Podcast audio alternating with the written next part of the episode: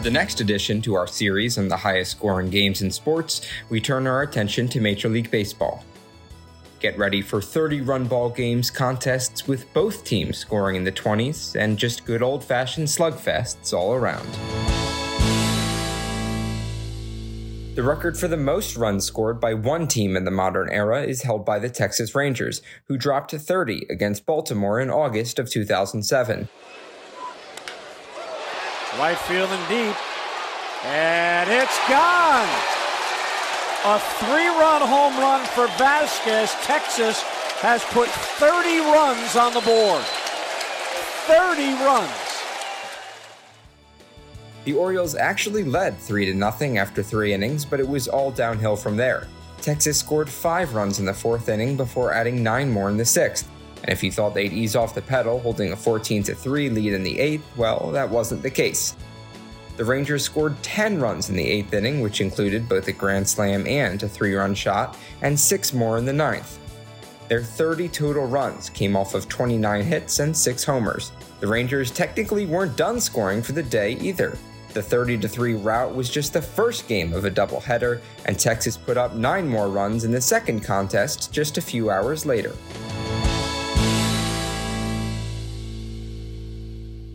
Now, if we're looking before the modern era, which is pre 1901, the record technically belongs to the Chicago Colts, who scored 36 against the Louisville Colonels in June of 1897.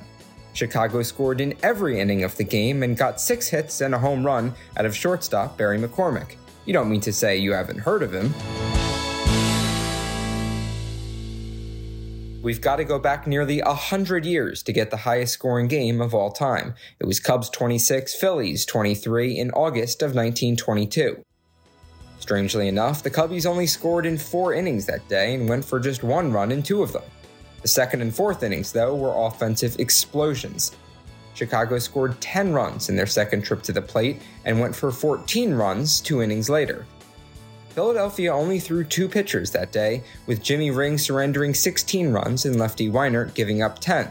The Cubs led 26 to 9 after 7 innings, and the Phillies came relatively close to an epic comeback victory after scoring 8 in the 8th and 6 in the 9th.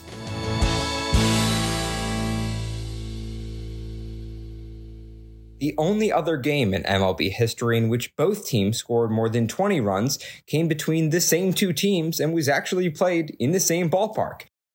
It was Phillies 23, Cubs 22 in May of 1979. There's a high fly to left. Look out now. Look out. It's gone. It's a home run by Schmidt. Oh, brother. Mike Schmidt has just gotten his second home run of the day, and now the Phillies lead in this ball game by a score of 23 to 22. The three and two pitch, he was ready. Sutter laid it in there, and pow! Out of the ballpark over the left center field wall. We detail the whole history of this Phillies Cubs matchup in an earlier article, but we'll give you the summary here. The Cubs never led in the game, but kept it close the whole way. They fought back from 7 0, 17 6, and 21 9 deficits to send the game to extras before losing 23 22 in 10 innings. Dave Kingman smacked three homers for the Cubs, while Mike Schmidt hit two for the Phillies, including the game winner in the 10th. In all, there were 45 runs scored off of 50 hits in a thriller at the friendly confines.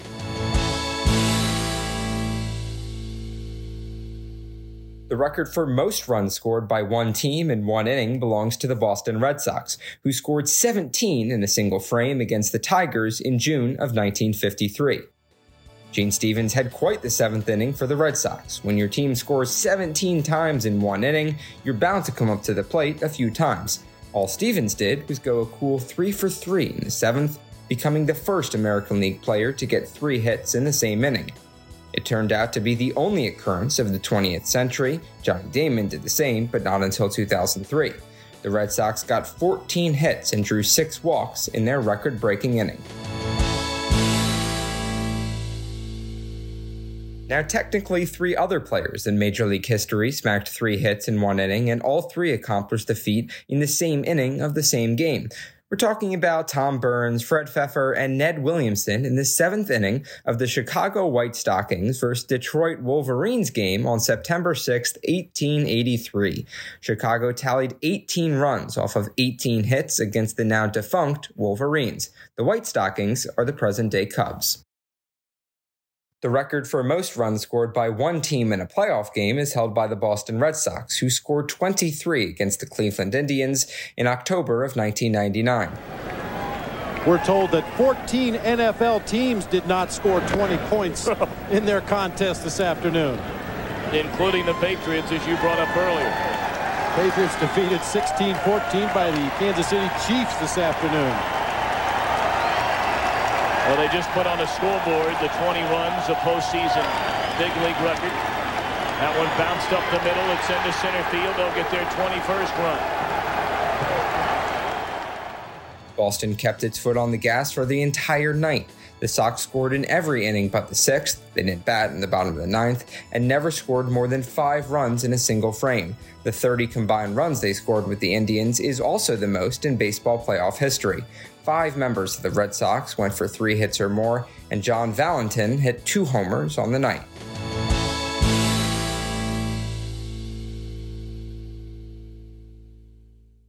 The record for most runs scored by one team in one inning in the playoffs is held by the Los Angeles Dodgers, who scored 11 in one frame against the Atlanta Braves in 2020. Here's a fly ball into right center field, back at the wall. It is gone. Grand slam. And the first inning is historic.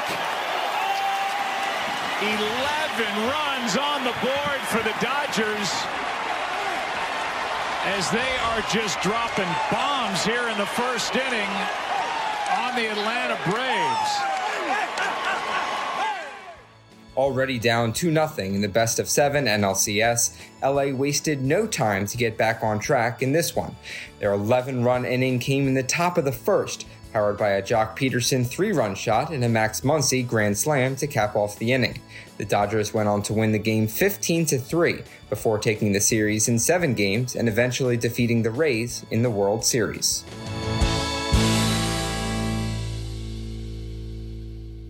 The record for most home runs hit in a game by both teams was set by the Arizona Diamondbacks and Philadelphia Phillies, who combined for 13 homers in June of 2019.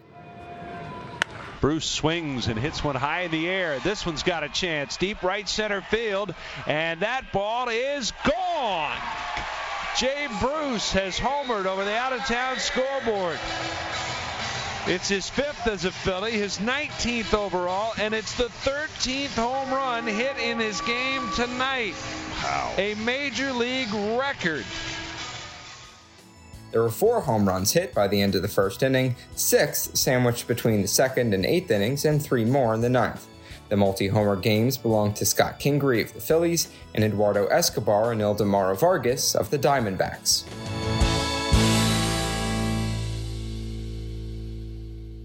The record for most home runs hit by one team in one game was set by the Toronto Blue Jays in September of 1987. I like what we see. Let's get him in there. Long drive. Will it be? Yes, it is. Boy, I tell you what, I've seen a lot of batting practice in my day where nobody hit the ball the way Toronto's hitting the ball against the Orioles tonight. They're the only team to ever hit 10 home runs in the same game. Ernie Whitt hit three dingers for the Jays, while Rance Mulliniks and George Bell had two of their own. By the end of the night, the Blue Jays emerged as 18 3 victors.